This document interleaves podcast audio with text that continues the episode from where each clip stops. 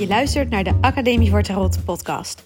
Mijn naam is Christa en ik deel heel graag al mijn tarot-ideeën, kennis, filosofische gedachten en creatieve tarot-inspiratie met jou, zodat ook jij het heft in eigen hand kunt nemen met de kaarten.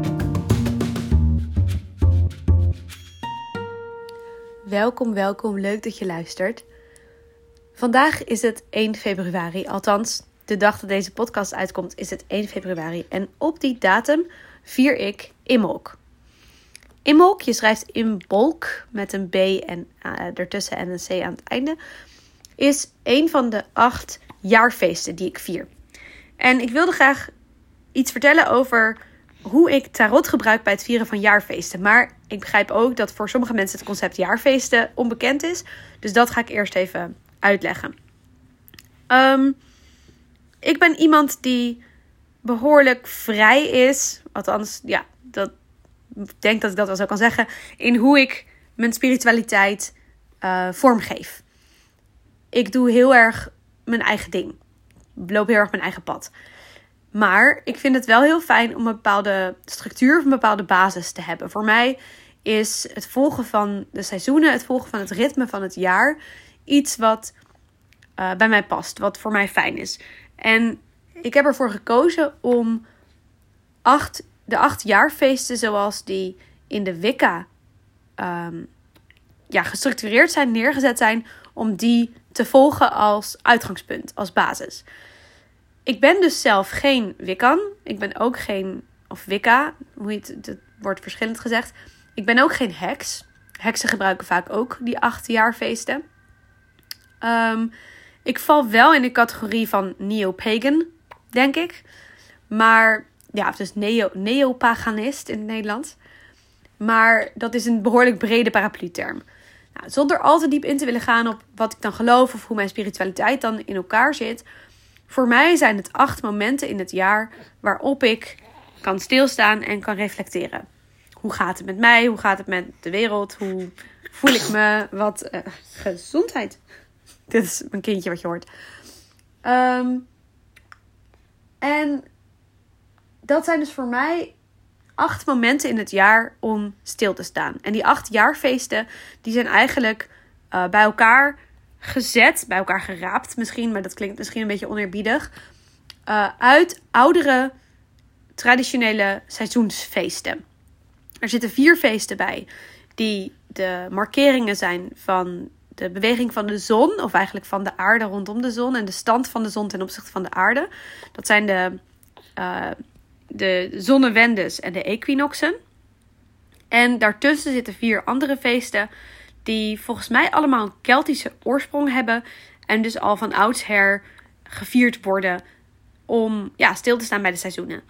En Imolk is het moment van het allervroegste, prilste begin van de lente. Het is nog geen lente. Het begin van de lente vieren we 21 maart of 22 maart. Weet je, afhankelijk van uh, hoe de zon, wanneer de zon uh, precies boven de evenaar staat. En Imolk is dus een soort vooruitwijzing van het gaat weer lichter worden. De dagen worden alweer langer. Maar nu ja, vier je eigenlijk dat hele prille begin van de lente. Je kijkt uit naar um, ja, naar het jaar. En, en het is nog niet echt de tijd van het zaaien, althans. Nee, dat is toch meer 21 maart. Maar dit is al wel het, ja, het allerprilste, kwetsbaarste begin.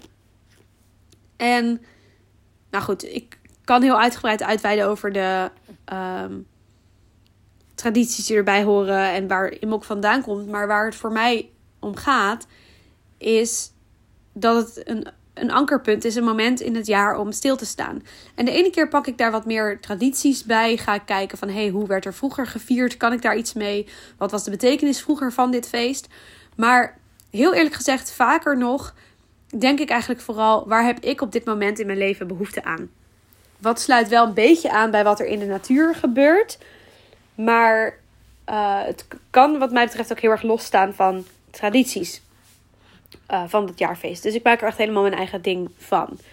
Uh, je zou het cultural appropriation kunnen noemen, maar ik, ik ja. Uh, het is niet dat ik iets jat en me toe-eigen of zo. Maar het is gewoon dat ik dat concept gebruik. En um, ja, oké. Nou, dit jaar heb ik me dus voorgenomen om tarot ook echt weer een grotere rol te gaan laten spelen in de jaarfeesten. Omdat ik ook mijn eigen connectie met de kaarten steeds weer wil blijven ja, verstevigen.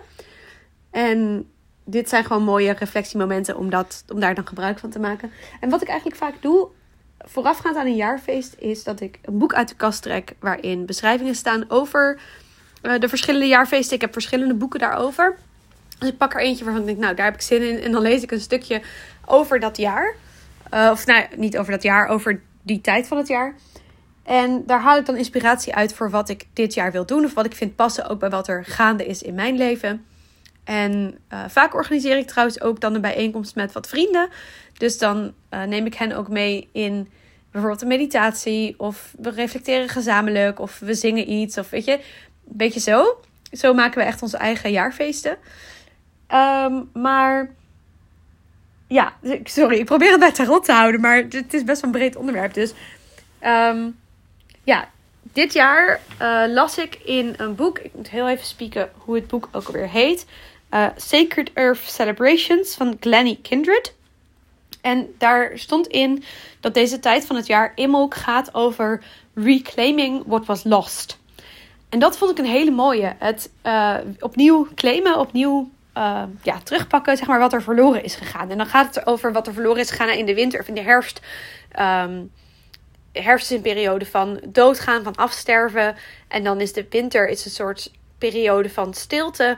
En nu keer je dan weer terug, kun je weer dingen gaan oppakken. Nu, nu ja, de grond is nog hard en koud, maar de eerste beginselen van nieuw leven zitten al onder de grond. En dit wordt het moment van reclaiming what was lost. En dat vond ik een mooi stukje zin. En daarvan dacht ik, ik trouwens, de rest van wat ik zeg staat helemaal niet zo op die manier in het boek. Dit is wat ik ervan maak. Even voor de duidelijkheid. Um, voor mij sloeg dat heel erg aan, omdat ik dus nu heel erg op een punt sta dat ik um, mijn tarotpraktijk voor mezelf weer heel erg nieuw leven wil inblazen. Ik ben de afgelopen maanden heb ik af en toe wel kaarten getrokken, maar veel minder dan in de jaren daarvoor. En ik wil dat heel graag weer reclaimen. Dus voor mij is dit echt een punt om uh, ja, dat terug te pakken. En hoe ik tarot dan vervolgens tijdens zo'n jaarfeest gebruik, is dat ik een legpatroon opzoek of zelf maak dat aansluit bij dat thema. Dus ik ga nu nadenken over um, het ja, kaarten leggen over kaarten leggen, ga ik nu eigenlijk doen. En mezelf afvragen van hoe kan ik dit weer meer een plek geven in mijn leven? Um, hoe kan ik de tijd met tarot met mezelf weer reclaimen?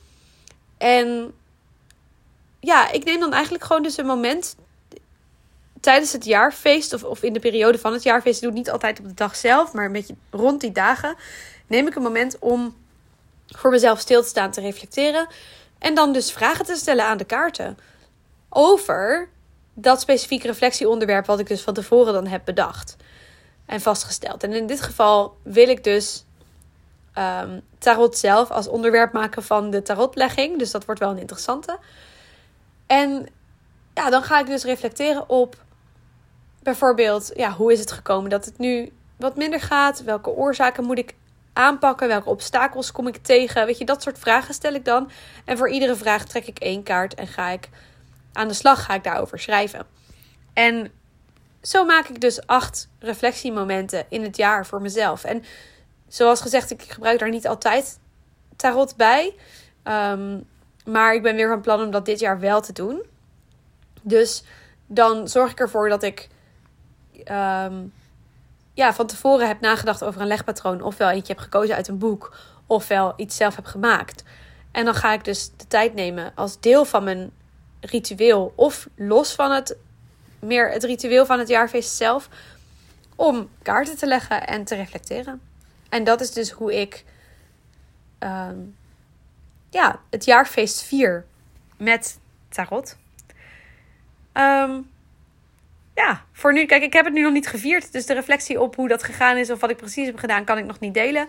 Maar ik vond het mooi om op de datum zelf wel een podcast erover uit te brengen. Dus dit is eigenlijk een beetje ook mijn momentje van uh, nadenken over wat ga ik dit jaar eens doen. En dit is wat het gaat worden. Dus um, ja, ik hoop dat je me inspirerend vond. En ik ben ook benieuwd of jij vaste momenten hebt in het jaar om voor jezelf te reflecteren, om stil te staan. Of dat je hier misschien iets aan hebt. Dat je misschien denkt, hé, hey, dat is misschien ook wel wat voor mij om acht momenten in het jaar te kiezen. En dat hoeft natuurlijk niet aan de hand van het jaarwiel van Wicca te zijn. Of je kunt ook andere, um, je kunt de kalender er eens bij pakken. Je zou bijvoorbeeld ook kunnen zeggen, um, momenten zoals uh, Koningsdag of Bevrijdingsdag of uh, Kerstmis, Pasen. Weet je, je kunt allerlei momenten in het jaar. Uh, de start van de zomervakantie of juist het einde van de zomervakantie. Je kunt voor jezelf kijken welke momenten zijn voor mij in het jaar belangrijk en zou ik kunnen pakken als reflectiemomenten in het jaar. Goed. Um, gezondheid nog een keer. Tijd om hem af te ronden. Dankjewel voor het luisteren en tot de volgende.